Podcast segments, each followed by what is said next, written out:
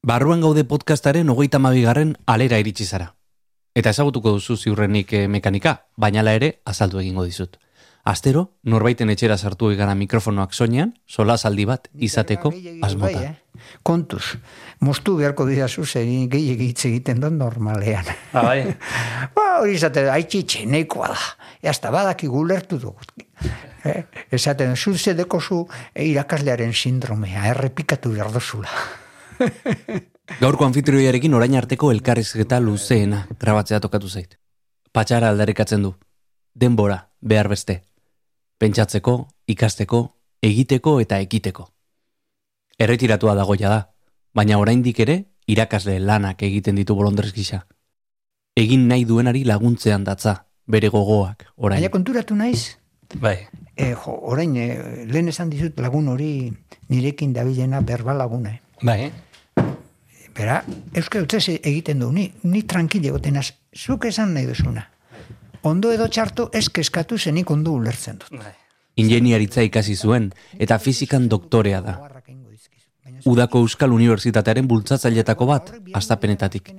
Eta EHUn zebilela irakaslego propio baten aldeko protesta egin zuen lankidekin batera. Amabost urtez egon zen, pankarta baten atzean, leioako kampusaren sarreran, soldatari muzin eginda.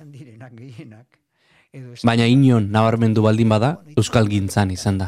Zehatzago izateko, Euskara teknikoaren bultzatzaile nagusietako bada, eta divulgazio zientifikoan jardun izan du, besteak beste. Baditut prestat, prestatuta oso itzaldi nire ustez interesgarriak. Eh? Nola baite diskurso, irakaslearen diskursotik apartekoak, gaiarekin lotuta, baina pentsaraztekoak, pentsatzen i- ikastekoak, ez? Ze askotan konzeptu batzu oso, oso, oso simpleak, Bai. eta gaia da, behitu ze simplea, bata da denpora eta beste da argia. Baina horrekin ordu bete hitz egitea. Eh?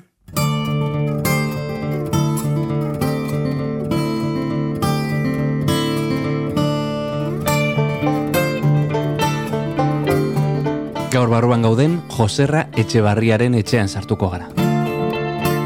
Oye, ¿y ¿cómo se dice en euskera electrón? Electrón ez dakit izen zan, baina hitz bat, esan zian. Nik Bai. uste olako tekni bat. Jo, geratu nintzen zuri.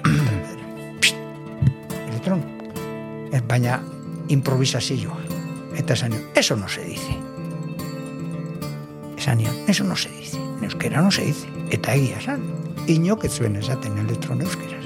Ulertzen duzu? Bai. Horra maitu zan anedota. Kontxo.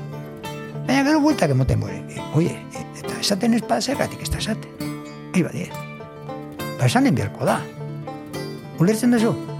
Bitu zelako tontokeria edo zelako txispatxo bat, ez da?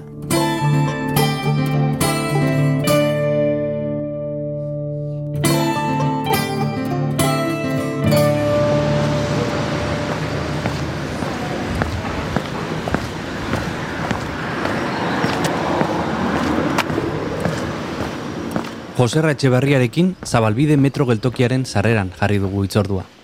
Bere etxetik metro gutxi batzuetara. Santutxu auzoaren arteria printzipalean. Auzo bizia da Santutxu. Eta ara eta ona dabil jendea. Erosketak egiten, lagunekin solasean. Metroaren sarreran ikusi dugu anfitrioia gure zain. Hemen bertan bizina, oso erresa da. Ze, justo, eh, dik esaten dut nirtera, Bai. eta bitxo, hango portalean bizi gara. Ah, bitu. Orden erresa. Ah, santutxun aparkatzea, ostras. Oso zaila da. Bai, bai. Horregatik esaten zuen metroarena. Bai, Ezagutzen bai. dodalako hemengo Bai, bai, bueno, topatu dut, eh? ederto. Ederto, ni Eh. lasai nengoen. Ez oso urrun gainera. Ba, bueno, mentxe, mazuztegi kalean. Bai. Ez? Bai. Ba. Ondo, bueno, ze modu zabiltza? Ondo, mentxe, ba, lanean jota zu. Bueno, ederto. Eta, eta, bueno, gustoko gozetan saiatzen mintzat, eh? La, Bueno. Betikoa. Eh? Ederto. Gogoratzen naiz, ikusi, ikusi nuela eh, lengo pre-estreno ikusi gendunaren orain berriro eta Bai, hori da, hori da. Bueno, hauntzi. Behar Bilbo, Bai. Hasieran aipatu dizugun nor den gaurko anfitrioia, baina denbora beharko genuke bere aurpegi guztiak ezagutzeko. Eusko Legebiltzarreko lehen legegintzaldian herri batasuneko parlamentaria izan zen.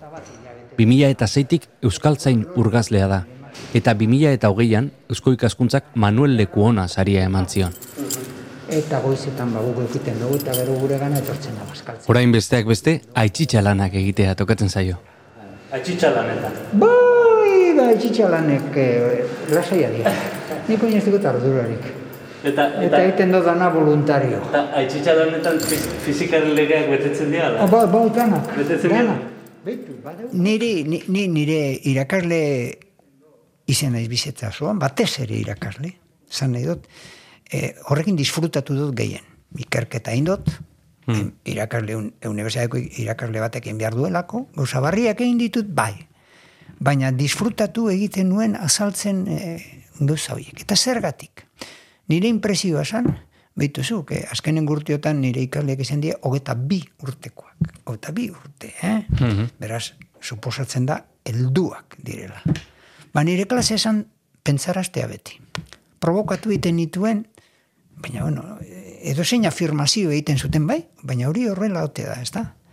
Zu pentsatu dozu ondo zer esaten ari zaren, ze, ze bada pentsatzea. Pentsatzea, pentsatzea da, Bai. buruan ekatzea, nire ustez, da buruan ekatzea, konzeptua kondolantzea, esan nahi ez arduratzea, gauza batzuk ulertzen duzu, beste batzuk ez, ba. baina alegin hori egitea da funtzesko, nire ustez. Hmm. Eta hori ezin da inpresaka. Ni beti esaten nien, ekarle, gauzakin behar dire astiro, euskeraz. Eh? Astiro, ez dugu esan nahi geldiro. Astiro da asti hartut. Eta zer da astia? Astia da gauza ondo egiteko behar dan hartzea. Orden, gauza bakotxak bere erritmoa dauka, bere tempoa dauka, eta pentsatzeko, behin behar duzu, astia hartu, lasaitasun hartu, pentsatu, eta gero konzeptua ondo ulertzen baduzu, bi gauza dire, eta netan, ez, pentsau, sota, kaballo eta erregea, besterik ez dauz, saldiz eta, hola, hiru gauza dauz. Hiru konzeptu nagusi, danetan, danetan fizikan ere, bai. Fizikan dau printzipio bat, lege bat, hipotesi bat, bueno, nahi duzuna teoria bat, baina, behin ulertu eskero teoria, horrekin interpretatu behar dituzu gauza guztiak. Baina interpretatzeko jakin behar duzu zein dan orko barneko egitura eta hori pentsatuen behar da. Hori ez da buruz ikasten. Horretik, eta horretik diotzut, niri improvisatzea gustatzen zait klasetan. Nik inoiz, inoiz ez dut irakurri ezer klasean. Preparatu ditut klaseak oso ondo. Prestatu ditut eh, powerpointak, irudiak laguntzeko. Baina kasuri pestiat egin. Hori Eta- izan da, txuleta bat niretzat, esate batera, txuleta bat, ba nire diskursua ez despistatzeko. Bai. Aria, aria eramateko. Baina gero, begirada bat ikusi eta harri buruz hitz egiten dut.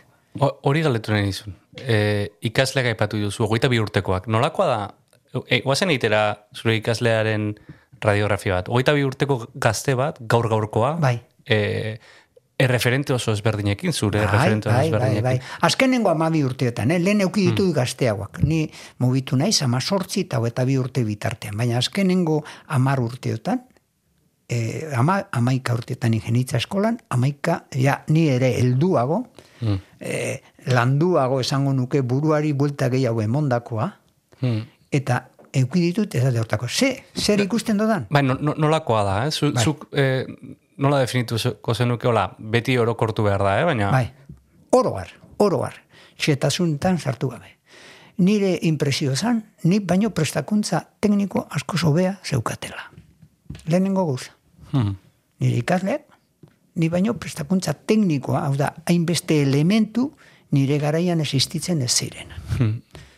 Batetik eh, informatikako kontuak, nire garaian ez den, e, eta e, gero konsultatzeko aukera izugarriak nik ez neuskanak, gaur egunean internet bidez, e, habilidade izugarria eta askartasun izugarria tresnak manejatzekoa, baina, baina, ni diotana, baina sakonean nik esplikatu behar nuena etzan hori. Ia ulertzen da. Nik konzeptu batzuk esplikatu behar nituan, eta horretarako pentsatu emerzan.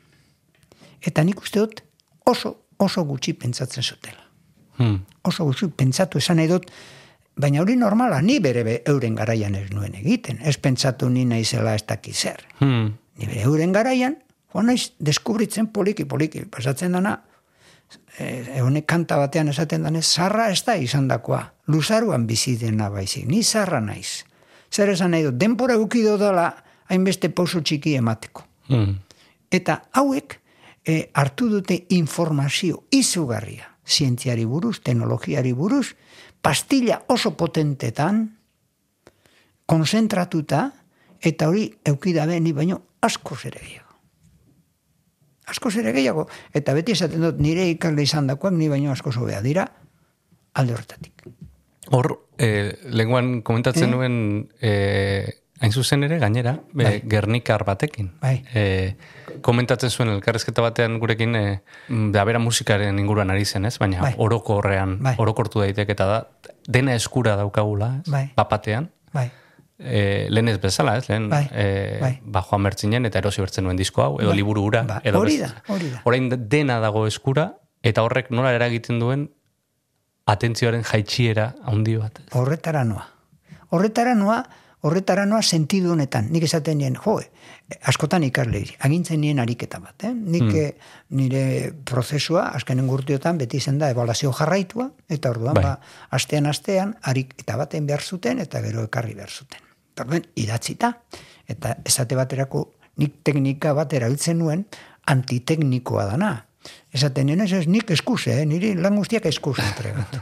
Nola eskuz? ordenagailua da, o txukun presenta, ez ez. Baina, ni badakit, ordenagailuak hor daudela, baina ebakita itxatzi indikezuela edo zein dokumentu, eta hori ez da zuena. Ulertzen da, internetera zoaze, lehenengo problema. Interneten dana dago, bale, perfecto, hori esaten zidaten.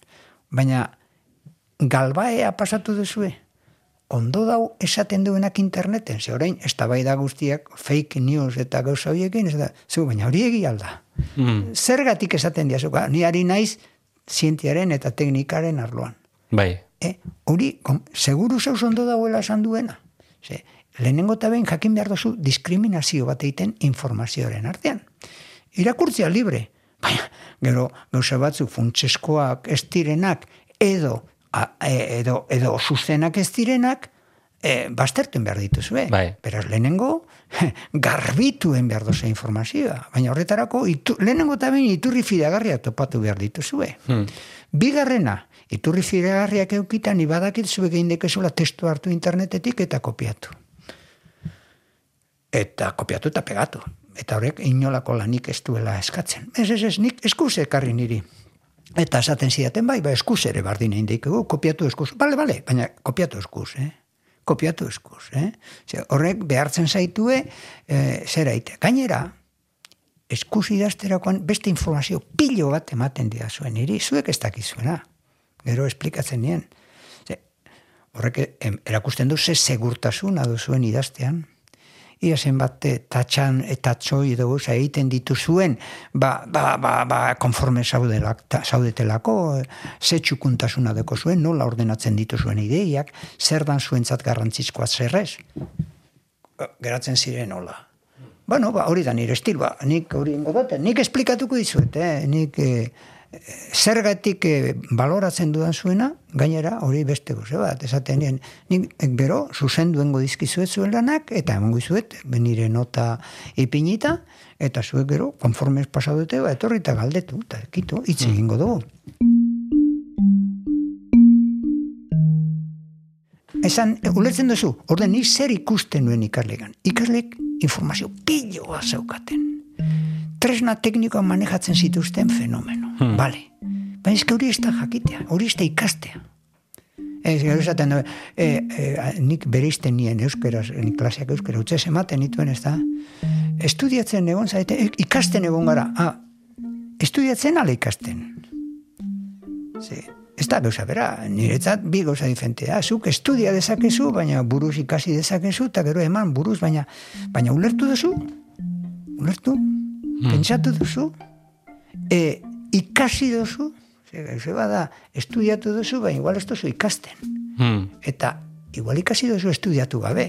Baina hobe da lehenengo estudiatzea eta horren inguruan pentsatzea eta ikastea. Zan edot, hitzak ez dire bardinak. Zesate, e, zer zauz, arratzalden egon ikasten. Ikasten egon zara?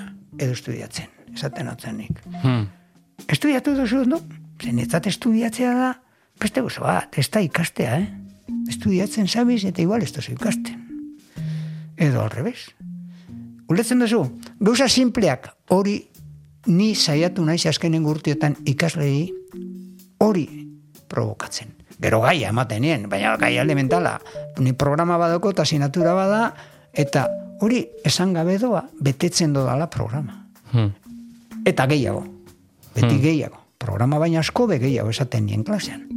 Beste guze bada gero exigentzia maila neukan. Hmm. E, baina ulertzen duzu orden, nik uste dut azeleraturik dabilela gazteria beti egon da. Orain, sensazio hori daukat. Horregatik, Bai. E, igual, e, nire bilogekin, hemengo e, emeretzi urte ditu, datorren e, astean e, nire biloba nagusia, eta unibertsitatean hasi da. Bai. Eta askotan, berbaiten hasten naiz berarekin, zu, zu, zu, e, tranquil, ez dut ondo segitzen, e, ez da zu niri patxada gehiagorekin berba. Bilobari esaten diot, eh? Ze, ikusten dut, ez da gizergatik oso, oso bizkor hitz egiten dutela. Eta telebistan askotan egiten dabe batzuk, persona batzuk oso bizkor. Kostatu iten zain niri ulertzea.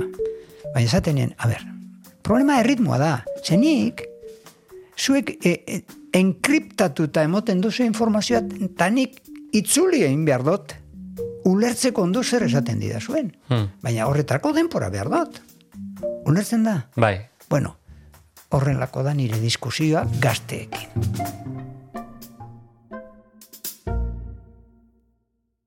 Iragandakoak egin gaitu. Oroitzapen sorta baten emaitza da bizitza funtsean. Eta sorburura jotzea bide derra da norbait ezagutzeko.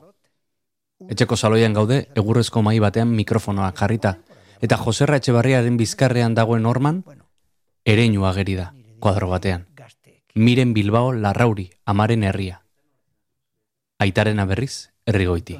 Antonio Etxebarria Garai. Bai, Nor da? oh, ba, niretzat oso personaje importante ba, nire aita, azteko, aita, aita. Eta nire e, nortasunaren gauza asko eman zizkidana. Batez bere, batez bere nik aita gogoratzen dut, batetik. Hiru hiru e, saletasun edo ikasteko gogorekin. Bat, zientzia salea zan, Hmm. teknika salea, oso handia. Eta ona, gero ikasketak, ez zituen egin ni bezalakoak, azan taller maizua, baina Bai. taller maizu ona. Bai. Ze, ni beti esaten dut, e, kontuz, eh? Ni nahiago dut taller maizu on bat, ingeniero txar bat baino, eh? Nahiago dut peritu on bat, ingeniero txar bat baino, eh? Ulertzen duzu, niri tituluak ez dit inoiz ezer esan. Ah, orduan ere e, desberdina zan, ez? Garai hartan. Bai, bai, desberdina zen, baina dinot, zi, baina zientzia salda zen. Ak, notizia zientifikoan gustatzen zitzaizkion, bat, saletasuna. Bi, hizkuntza saletasuna. Gure itxek, bituzuk, ere inokoa, bai, zan, esan ere inokoa, zan, erregoitxikoa. Bai. Gero ere inon bizi zen zen, eta gero Gernikan. Bai? Bueno, Gernika. Gernikako bueltan, denpora guztian. Bost hizkuntza sekizkien, batzuk ondo, eta beste batzuk esain ondo Mhm. ondo segizkien nahiko ondo, bueno, bi oso ondo, euskera, fenomeno, mila gauza beraren gandik ikasi nuen, oso ondo, eta zalantza neuganien berari edo bere aitxetamari, aitxetamumari galdetzen nautzen. Nik beti galdetu die zarrei. Hemen orain hildan amumari mila gauza ikasi dizkiot. Guk ja esaten ez ditugunak, baina beran natural esaten zituena. Hmm? Hori bat, hizkuntzak. Zegien, euskera eta e, e, gaztelania, noski, Bai. ondo. Frantzesa, txukun, inglesa pixka bat, eta alemana pixka bat. Eta bereziki euskera. Euskera, euskal saletasuna haitxek zeukan izugarria. Hmm. Eta, bueno, bai Gernikan, eta bai e, Eibarrera joan gi- ginenen gainera Eibarren, eta manejatzen zituen biak, ondo, ze berez bizkaiko euskera zeukan, E, e, Eibarra joan aurretik. Bai. E, aitak astran egiten zuen. bai, hori da historia importante bat, hori da bigarren guza. Hori, hori jakin nahi nuen nik, Bai, ez? ba, ederto, bontxe esango izut. Baina, batetik haitxe niretza zan, hiru saletasun horietan funtzeskoa. Ai. Eh? Zientzia, saletasuna, hizkuntza generalean, saletasuna eta euskal saletasuna. Hartu dituen bideak ulertzeko, ezinbestean ulertu behar dugu bere aitaren figura, arengatik baitatorkio, zientziarekiko zaletasuna eta euskal zaletasuna ere egin batean. Gure itxe, e, e, ikasi ban, Gernikak artes oficios deitzen zan orduan, egin zuen e, e, ze maizutza, e, zera, zerean, eta hasi zan e, oso gazterik, ja hasi zan astran lanean. Unzueta familiak... Eh, Unzueta ez, unzeta. Unzeta familia, barkatu. Ez unzueta, ez bai, bai, bai, baina unzueta, ondo esaten duzu. Hmm. Ze batzuk unzueta esaten dabe, estatu unzeta. Eta hango gerentea, jefea, zan eibartik etorritako familia zan unzeta tarrena. Unzeta. Unzeta klasiko ibarkoa familia zan. Bai. Eta eh, hango unzeta gerente izen zan ar- ar- eh, astrakoa, izen zan kanuto unzeta. Kanuto zan astra guztia gidatzen zuen gerentea, Bai. eta gure itxe zan taller maizua. Osa, tallerreko gauza guztia gure itxek eramaten zituen. Koinatuak ziren, Bai. ondo konpontzen ziren. Bai. Vale? Baina, unzetatar gehiago zeuden. Hauek franko zaleak zian. Ba, klaro, klaro. Berro eta amabian, pasatzen da gauze bat gure eta eh, ja, eh, eramango duena ibarrera. Asmatu zuen mekanismo txiki bat. E, produziorako, errezago produzitzeko eta merkeago produzitzeko. Nolakoa zan mekanisma bagor, Ba, badakizu? ba, nunbait etxe- egongo dire planoak eta da. Bai, Baina bai. zan pieza txikitsu bat, Bai. e, pistolaren mekanismo barrukoa. Aha. pieza bat. Baina hori komplikatua zen, eta hori fabrikatzeko asmatu zuen zer bat. Bai. Eta nik ikusi ditut, nun baiten egongo dire, eta Bai. e, zera, baina hori naiz kezkatzen. Bai, bai, berdin dio. Baina Bai. ez da fundamentala. Funtseskoa da historia. Bai. E, alemanes euskan dokumentuak Bai. ikusteko, eta horregatik aleman pixka bat ikasi ban. Eta horren patentatu nahi izan zuen. Mhm. Vale? Baina patentatzera joan zanien, unzetatar batek eta kendu zion patente. Unzetatar familia hortakoa, unzeta Augusto eta Luis eta Bai. kuadrilla hortakoa. Gernikako jauntxoak, Gernikako jauntxoak zirenak. Bai. Orduen e, gure itxeketa ba, ba juizioa eduki zuen. Mhm. Uiza. Burgosen. Bai, Burgosen. Eta, claro, bestia frankistak ziren, biztakoa. Eta kontratatu zuten gero, uste dut, izena inoiz gogoratzen buruz, baina iturmendi uste dut zala, Frankoren ministro izan dako bat abokatu modura Burgosko juizio hortan. Hmm. Vale? Eta ba, gura itxek galdu iban.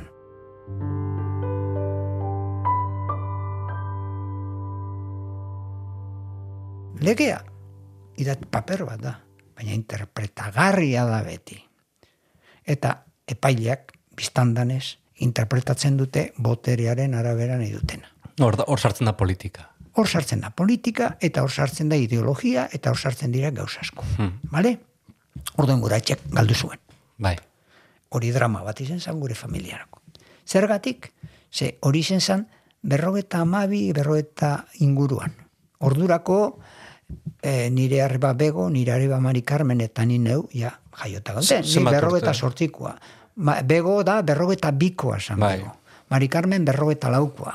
E, Jose Ramon e, berrogeta sortzikoa. Gu gara, Txikitxoak zineten. bueno, bai, ni bai, ni txikia, lau urtetxo, Bai. baina begoia ba amar urte. Bai, bai. Eh? Eta zeuden karmelitetan garnikan, ekasten eta holaxe. Eh? Gertaera hau lasgarria izan zen familiarentzat eta eibarrera mugitu behar izan ziren. Gua- Guazen kolegiora, hor, Bai. hor jazten da zure ibilbide Eibartarra. eibartarra eta eskolan sartzen zara. Bai, eh? claro. Eta, eta oso ondo funtzionatzen zu eskolan. Fenomeno. Ni, pff, e- egia esan da, e, gure, sufritu gehien sufrituko ban gure amak. Mhm. Vale, zen, gernikan danak ezagunak, eibarren dana barriak, baina gure amak, gure etxea, a- urkusuakoa, familia basan. Hmm. Han hartu gintuzten oso, oso ondo. Pisu, etxe guztia, danak euskalduna ziren, oso jatorra ziren, zen arroza beitiatarrak, eizagirretarrak, ulertzen duzu? Bai.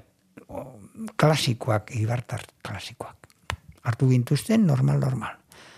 Nik ez dekot inolako rekuerdo txarrik. Begori eta Mari Carmenik gogorra guen goiaken. Mertxo eta Mari zentero, be, seguro. Zo txikitua ziren. Bai, bai. Haiek bai eibartarrak. eh? Harrek ibartarra ze, mertxe iru urte egaz. Bai. Marisa bi urte bigaz. Joan ginen azaroaren, azaroaren bigarren partean, bukaeran, mila bedatzen da berrota mabostean, ni zazpi urte. Sagrado Corazón. Bai. Gero dator lasaie. Bederatzi urte egin ditu euskala, ja bi urte nera, nera matzan ibarren, oso ondo, ni joaten, eh, baina ni nenguen, ni baino urte bete zarrago zirenekin. Mm. Claro, ni banekien irakurtzen, idazten mila guza, ez da? Etxeko ituren gatik eta... Urte bete zarragoekin zebiltzan. Bai, urte bete zarrago, eta orduen ingresoen birzan. Eta ingreso zan amar urterekin. Eta orduen ingreso, eta ze pasatu den, ba nire lagun guztia, gandia gatarrak, arrieta gatarrak, eibarko klasikoak. Pa, aurrera. Eta niri ez idaten egin, itxi egiten ingresoa. Urte bete bat gehiago behar nuelako. Osea, Hmm. orduen zan, ez, osea, hola, Bai. gelditu nintzen, eta ja, egin nuen batxiller normala, baina urtebeteko atzerapenarekin. Gazte egin nintzelako, ezin nintzen. Bai, bale? Bueno, eta horre, han egin nuen dana. Eta hortik sartzen Gero ja bilbora. Bai, hortik sartzen zabilbora eta ja zure bizitza akademikoa azten Bai, da, me, azten da nire bizitzaia universidadekoa, E- eta ja hemen bizi naiz praktikan.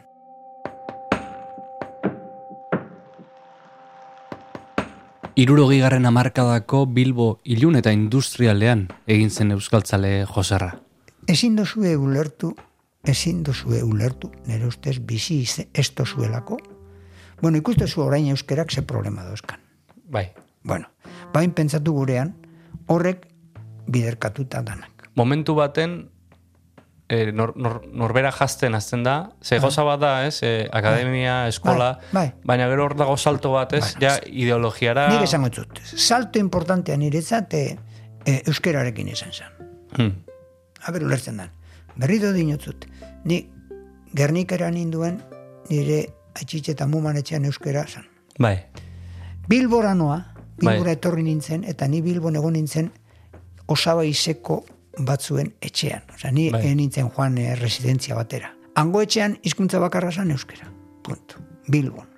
Hora nik suerte eukidot, euskera lantzeko, eh? egon naizela, euskera utxez bizi zen direnak etxe barruan, Hmm. eh?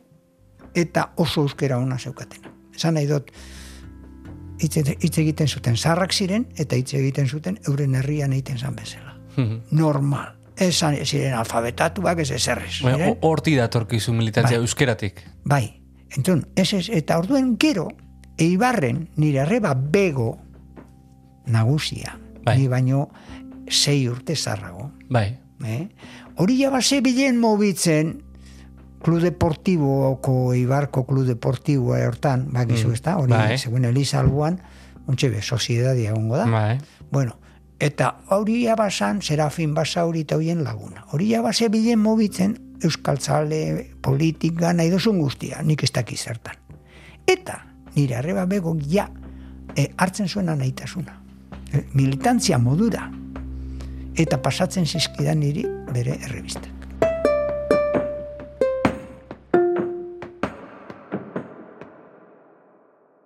Unibertsitatean, ingenieritza fakultatean, leku askotako jendea batzen zen, eta egun arrunt batean, mendizabal izeneko venezolar bat gerturatu zitzaion Joserrari, galdera batekin. Oye, pues, ¿cómo se dice en euskera electrón? Electrón ez dakit izen zan, baina hitz bat, esan zian. Nik Bai. uste olako tekni bat.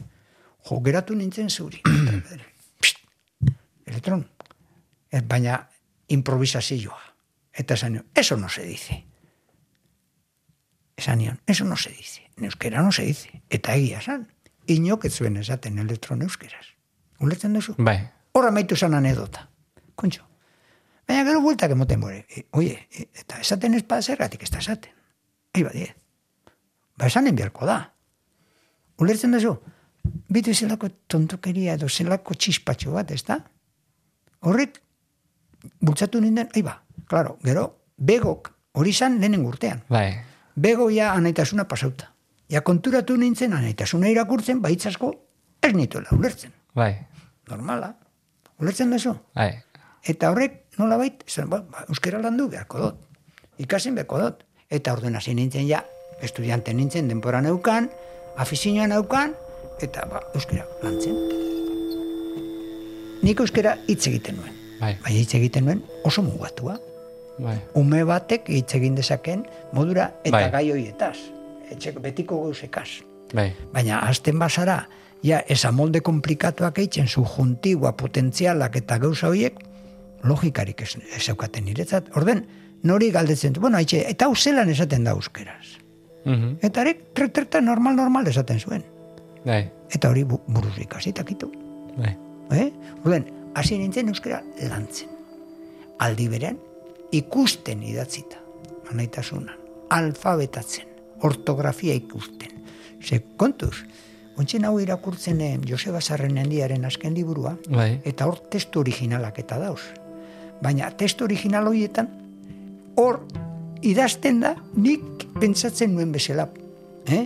Esate batera, ikusten dot, lotuta Mhm.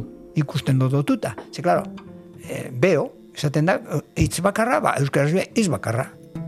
Eta, ikasen, ez, ez, ez, ikusten da gauza bat, eta dot, aparte idatze beda. Ez da evidentea. Mhm. E, zuentzat evidentea da. Baina, gehien, gehienok euskaldunak, nik ezagutu ditu denak, era bat analfabetoak ziren. Baina, analfabetoak ez dugu esan nahi, euskera ez dakitenik Bai, bai. ez dakite idazten eta irakurtzen euskeraz. Ez dute ezagutzen ortografia. Ez dituzte gramatikako arauak buruz hori eskolan egiten da. Hasi nintzen konsientziatzen, esan nuen, kontxo, euskera, espadol lantzen, ez du balio. Ez badakit esaten letroi euskera, ze demontre dau. Ja, edo danerako balio digu, edo ez. Hori esan idea, ez nirea bakarrik, eh? giroan zegoen.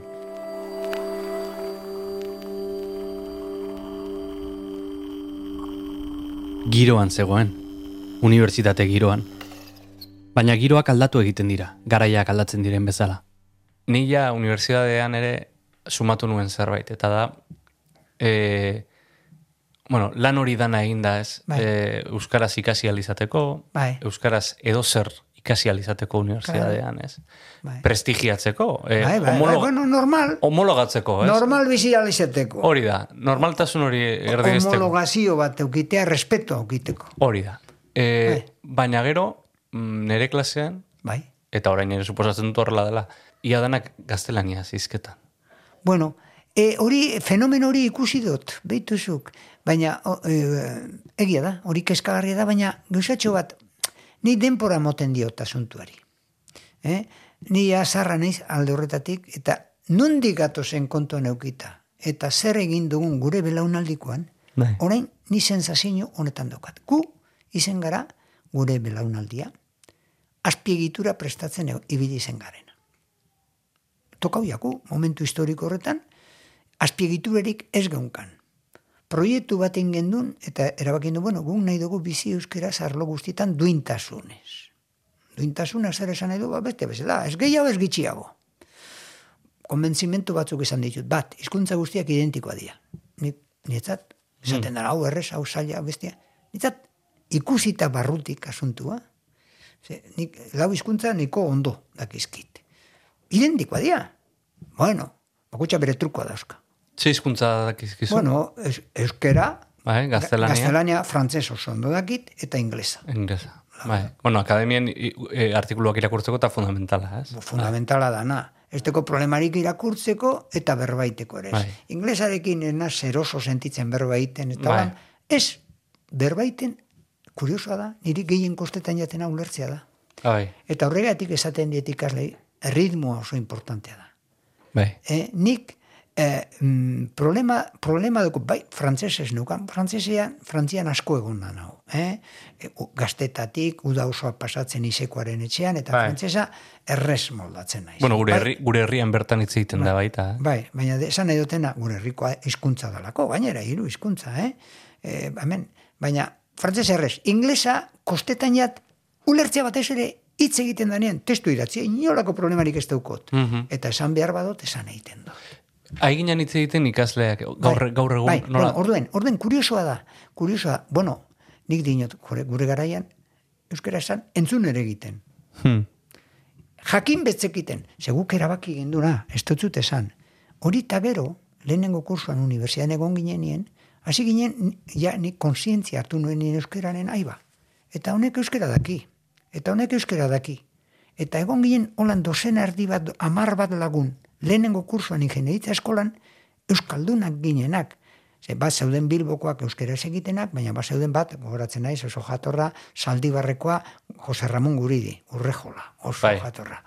Oin donostiatik edo bizita. Bai. E, beste bat, e, galdakokoa, urrutiko txea, ba, oso jatorra. Beste bat, ze, ze, zeberiokoa, Bai. etxe barri. Ba, ahi ba, I, Euskalduna zadezue, sari ezuek, eta bai, eta beste atoi hartzabalo jartzongoa. Eta, ba, batzuk ika, besteak ika gabe, bardina. Bai. Eta erabaki nahi badiet, badanak euskalduna gara.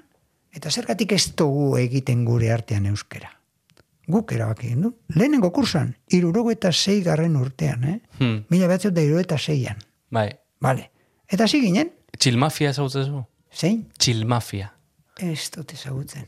E, da, Iruñako talde bat, orain Bai. oso bogan jarri dana. Kantariak eta. Bai. Ka, eske ni hortik aparte nago, mundu hortatik. Baina, baina interesantea da, ze, Bai, bai, dia, bai. e, gazte batzuk, Bai. mm, ez dakit e, ze adinen multan nuen, ogoi urte multan edo orain, eh? Bai. Eta, eta batean, bueno, Xavier Leteren e, be- Kantak. bersio bat egin zuten e, trap edo, bueno, e, Bai, bai, bai. formatuan, eta, e, bueno, astindu zuten zarea, ez?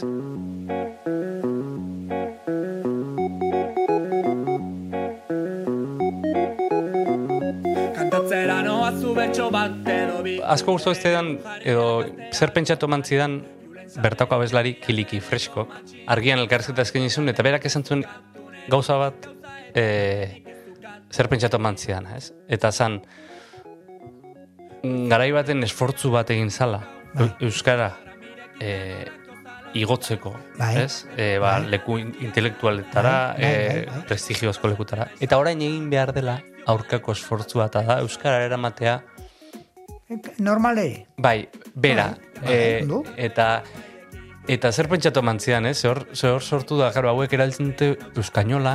Euskara ondo hitz egiten dute, baina gero euskainola asko erabiltzen dute, beraien abestietan, beraien, eta horren aldarria egiten dute iruña batean, ez? E, auzoan, ba, bere jendearen gana Euskara hurbiltzeko, ez? Eta, Bai, bai. eta, eta, bueno, niri zer, zer pentsatu bai, mantzian? bai. Bai, eske hori da, e, e, ni, ni ja gauze bat ikasi dut euskerarekin. Importante. Ni ustez hori, osema, nervioso ez jarri. Ez urduri jarri. Zan nahi dut, egin, baina ez urduri jarri. Zan nahi dut, ze, jente asko dago oso pesimista, ez dakiz zer, atzeran goaz, lehen ez dakiz zer, ikastogoletan be pasatzen da, de ereduan be pasatzen da, bale, bale. Bueno, eta zer, tranquil, ez urduri ipini. Eh? Ze, orain arte iritsi bagara, posibilidade da iristia. Beste gauze bada, eingo da nala ez. Baina egiten dauenari lagundu. Hori da bigarren gauza. Nia ez nago ezer lideratzeko edo egiteko den esate baterako, ba, ueun, ba, ueun, ba, oso aktiboa izan naiz ni. Bai. Eh? Zergatik, ba, hori izan nire proiektua. Nire proiektua hu zan Bai. eh? baina hu egu egun ur, e, urte osorako. Eh? Baina orain ja hau beste fase baten. Ni konfiantza daukot ni ibili direnengan, generazio berriengan, naiz eta ez ikusi. Eh? Eta printzipioa da, nik ez dut ez ere ingo, baina laguntza emango dut. Sentido horretan. Ikusten badot baten bat urtita bilela eskatzen dit laguntza uterako, eman, punto Hmm. voluntario modura. Ulertzen da, horixe da niri, ni, nire pentsamentua gaur egunean. Mhm. Konfiantza mantendu, mobitzen danari lagundu, mobitzen danari mobitzen lagundu, eta gero gerokoak. Ez nahi nik gizon txarra baina zera raio Fidel Castro izateko ez bain nintzen jaio Kuadrillaren onduan afaldu dut jaio Oraino era noa bihar artea jo Bihar artea jo, bihar artea jo, bihar artea jo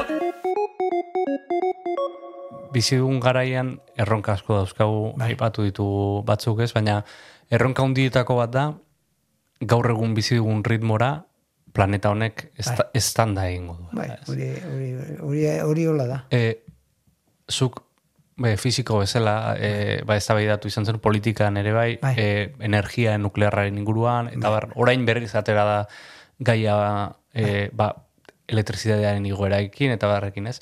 En, nola egin jasangarri Bai, ga, garen plaga hau hori da.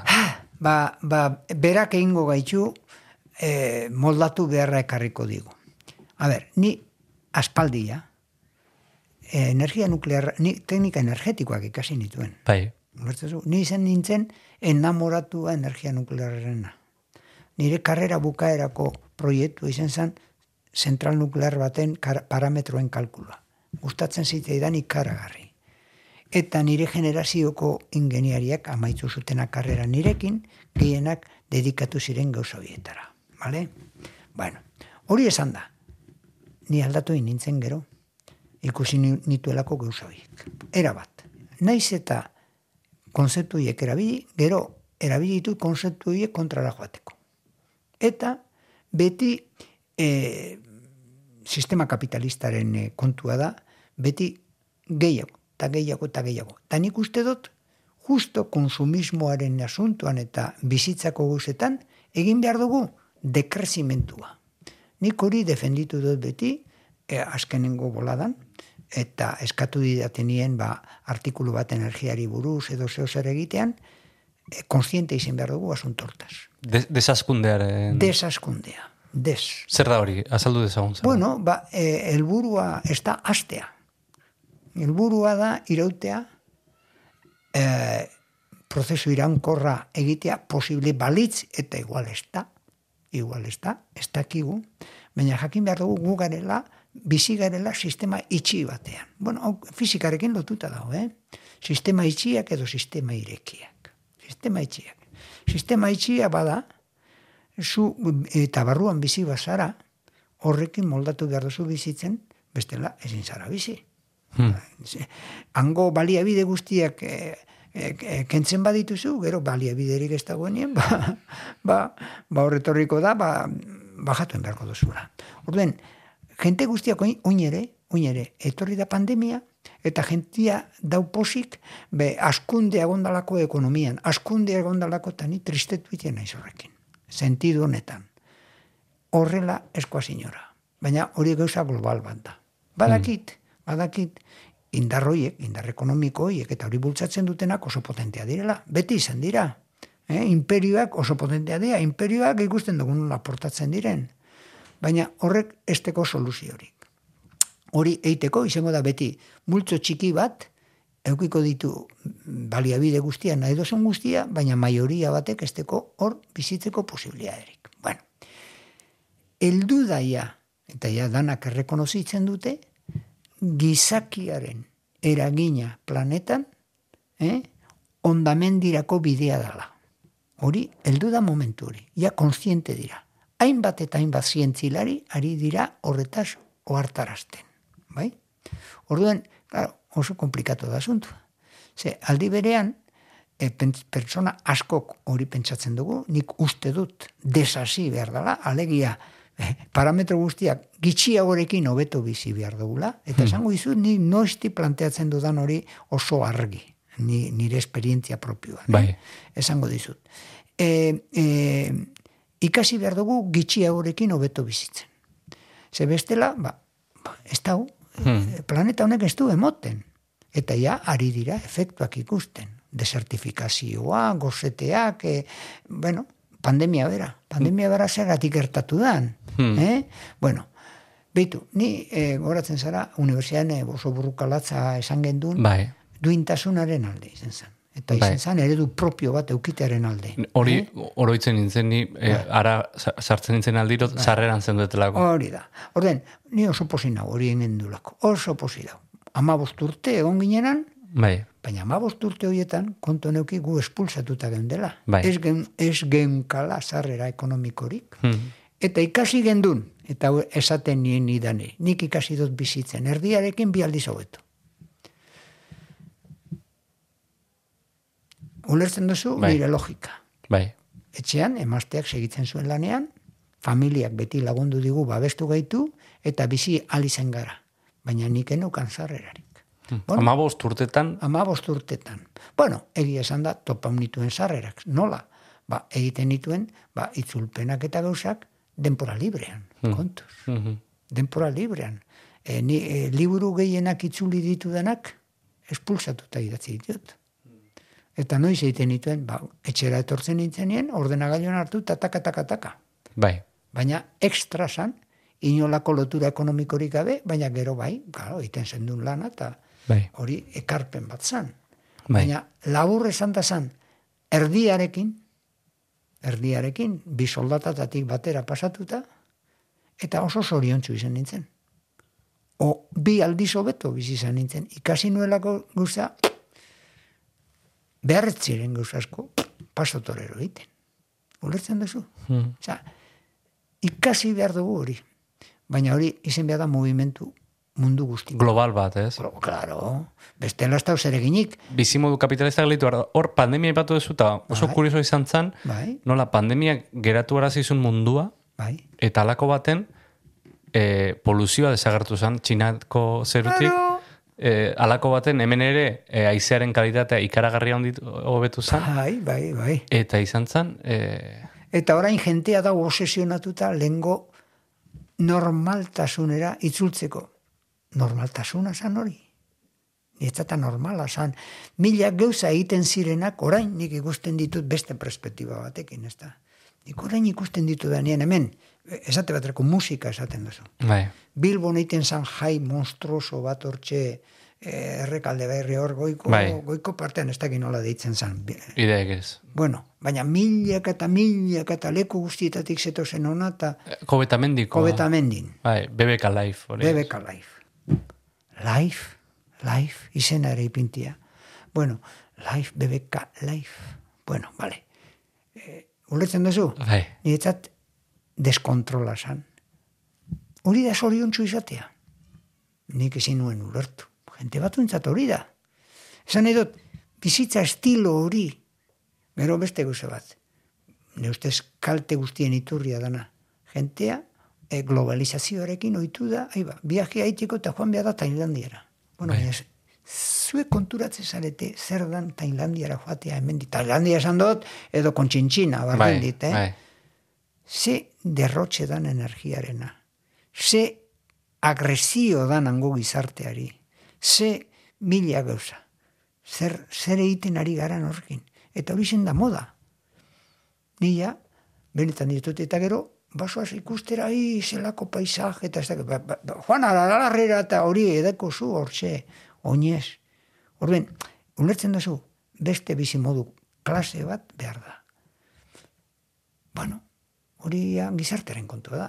Nik horretan ezin dute zer egin.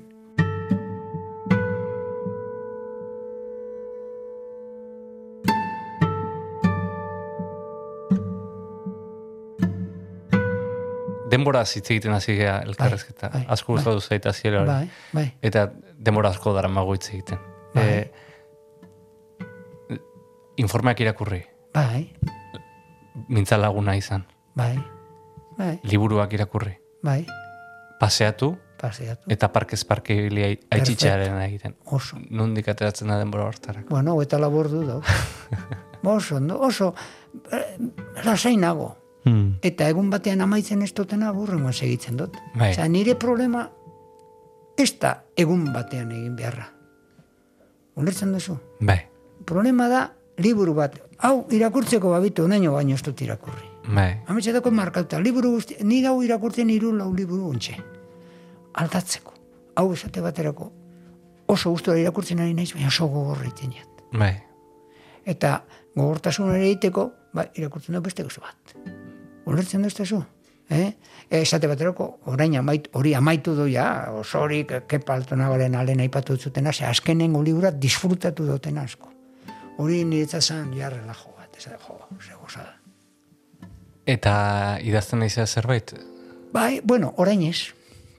Egin dut beste lan bat. Esango dizut, bi, bi ez dut zutez izenak esango, bi liburu oso zuzendu ditut, ontxe. Ah, bai, E, liburu bat, oso teknikoa, ingenieritza eskolako liburu bat. bai.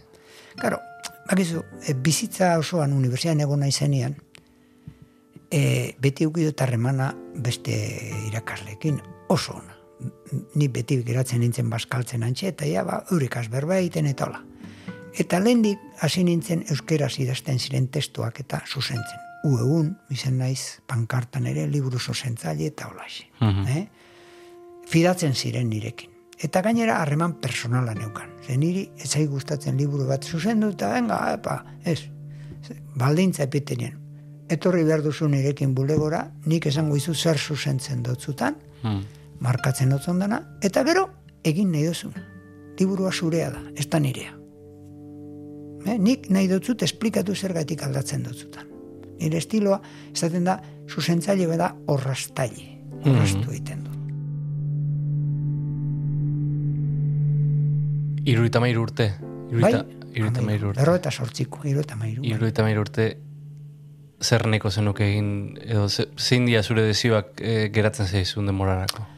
Ba, ba, ja, ez deukot, eh, egia esan da iniziatiba propioak edo idea berriak, ja, konta, konturatzen naiz antzututen hauela horretarako. Baina, laguntzeko ez. Fijatu bazara, esatu, e- esan dizkizudan gauza guztiak besteri laguntzeko dira. Mhm. Orduan, nik erabaki dut, nahi dut, lagungarri izan daitezkeen lanak, eta beste inok egingo ez dituena, neuke egitea. Esate baterako. E, Mondotut ejemploa, ez da? Ba, nire lankide batek nahi du hobetu zerbait eta nahi du nire laguntza. Egin dezala bera lan, ni gero hobetuko dut. Mhm. Ulertzen duzu? Laguntza ematea. Mhm. Eh, eta hori egiten ari naiz Wikipedian. E, bardin, hori patetik, lan intelektualari dagokionez. Mhm. Eh?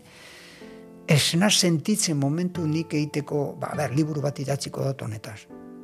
Ez dut uste ia merezi duena, ze e- egiten jakin izan dudana, egin dadokot alde horretatik. Baina, arlo horretan nire lankide batek laguntza behar badu eta emun alba diot, ba, ematen diot. Mhm. Hori da. Eta bardin euskarazko gauzetan. Eh? Edo bardin e, itzaldiak esate baterako, ez duzu esan, e, hainbeste itzaldi emon ditut institutuetan. Neure burua, eskaini nien institutuetako holan berritzegunetan, ba nahi badute itzaldiak emoteko institutetan, voluntario jongo naizela, Mhm. e, ez dala e, kontraturik ez SBN behar, ez e, diru ordainketarik ez dutela behar. Baina, eurentzako gai batzu baditut interesgarriak, ba, badauzkat bost edo zei preparatuta itzaldia, nahi badute horretaz hitz egin, banoie, deitu eta joango naiz, laguntzeko. Zan nahi dut, nun sentitzen naizen baliagarri, ni sentitu behar naiz, eta uste dut horretan esperientzia dudala, eta gauza hori edo neuke egiten dut, edo ni bezalako tipo batek egiten du, edo beste inok ez du egingo, Mhm. ze irakasleak ez daukate denporarik hori egiteko. Mhm. Orden, nik lagunduko diet oso pozik.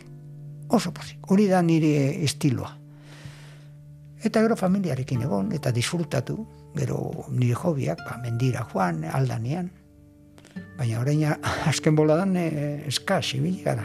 Eh, hori, hori, ze esango izut. Bizi, bizi, bizi. Bizi garen bitartean bintzat duintasunez. Hori da, bestek ez. Jose Ramon, ezkerrik asko bateak zabaltzeatik eta mikrofonoak sartzen usteatik etxean. Ai, ni pozik, pozik. Beitu, hau da, e, beitu, ejemplo amendeko zu. Zu lanean zabitza. Bai. Nahi duzu proiektu bat egin. Eta etorri zan gana, eta esan didazu, posible duzu abitea, ba, nik esatu, ba, lagundu aldotzut, bale. Egongo gara elkarrekin hitz egiten bi ordu eta piku, bai. Bai, ba, e, eske nik denpora, ikusten duzu, hori da, nik ez dekot orain agobiorik. Ez, ez, nik ere ez, eh? Bate. Hor- Horregatik egon gara berbaiten lasai, e, ni rollero naiz, hori ikusi duzu. Gero nik lana daukat, eh, baina... egin nahi duzuna. Esango dizut, ez dakit irakurri zen duen eh, jakinerako egin Bai. zidaten entrevista. Bai. Miren Rubio etorri zen maiderren etxera, ze hemen Bai. ezin gendun egin, ama zegoen eta holantzik. Uste dut amar edo amabi ordu grabatu genituela. Josus. Amar edo amabi ordu, baina areia beste eh, personalagoak eta gauzak eta galdetzen zizkian zen, bezu galdetu, bale. Bueno, horre- horren aldean hau eh, txikikeria bat da.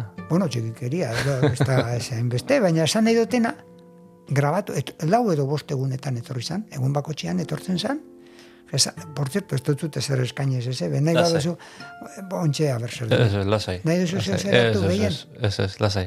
Ba, berbaiten. Ba, Ni- ba, zurito bat hartuko zurito bat. Ba, venga, ba, guazen horra bera. Guazen portalera biok. Perfecto. Eh?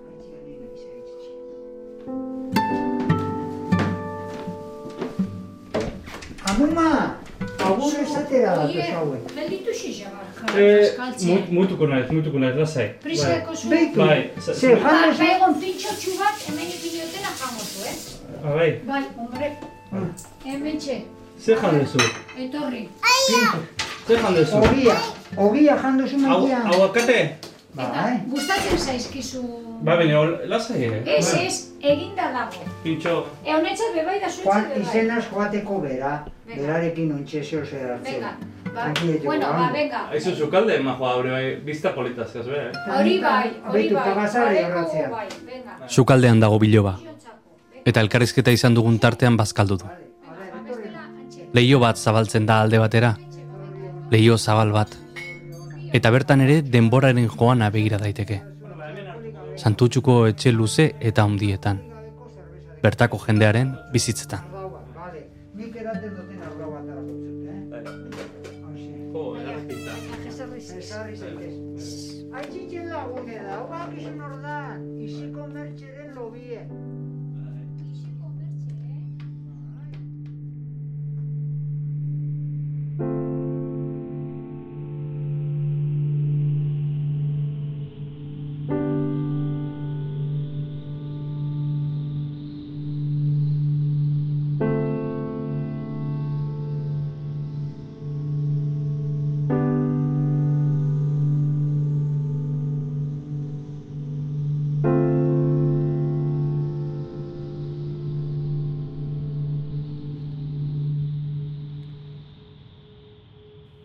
Ulu Mediak EITB podcast entzat ekoizten duen saio bat da barruan gaude, eta edozein audio plataformatan topatu dezakezu.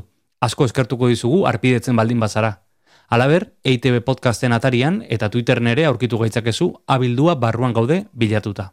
Gogoratu, Juan González Andrés lagun eta lankideak saio honen siamesa egiten duela gaztelaniaz. Estamos dentro.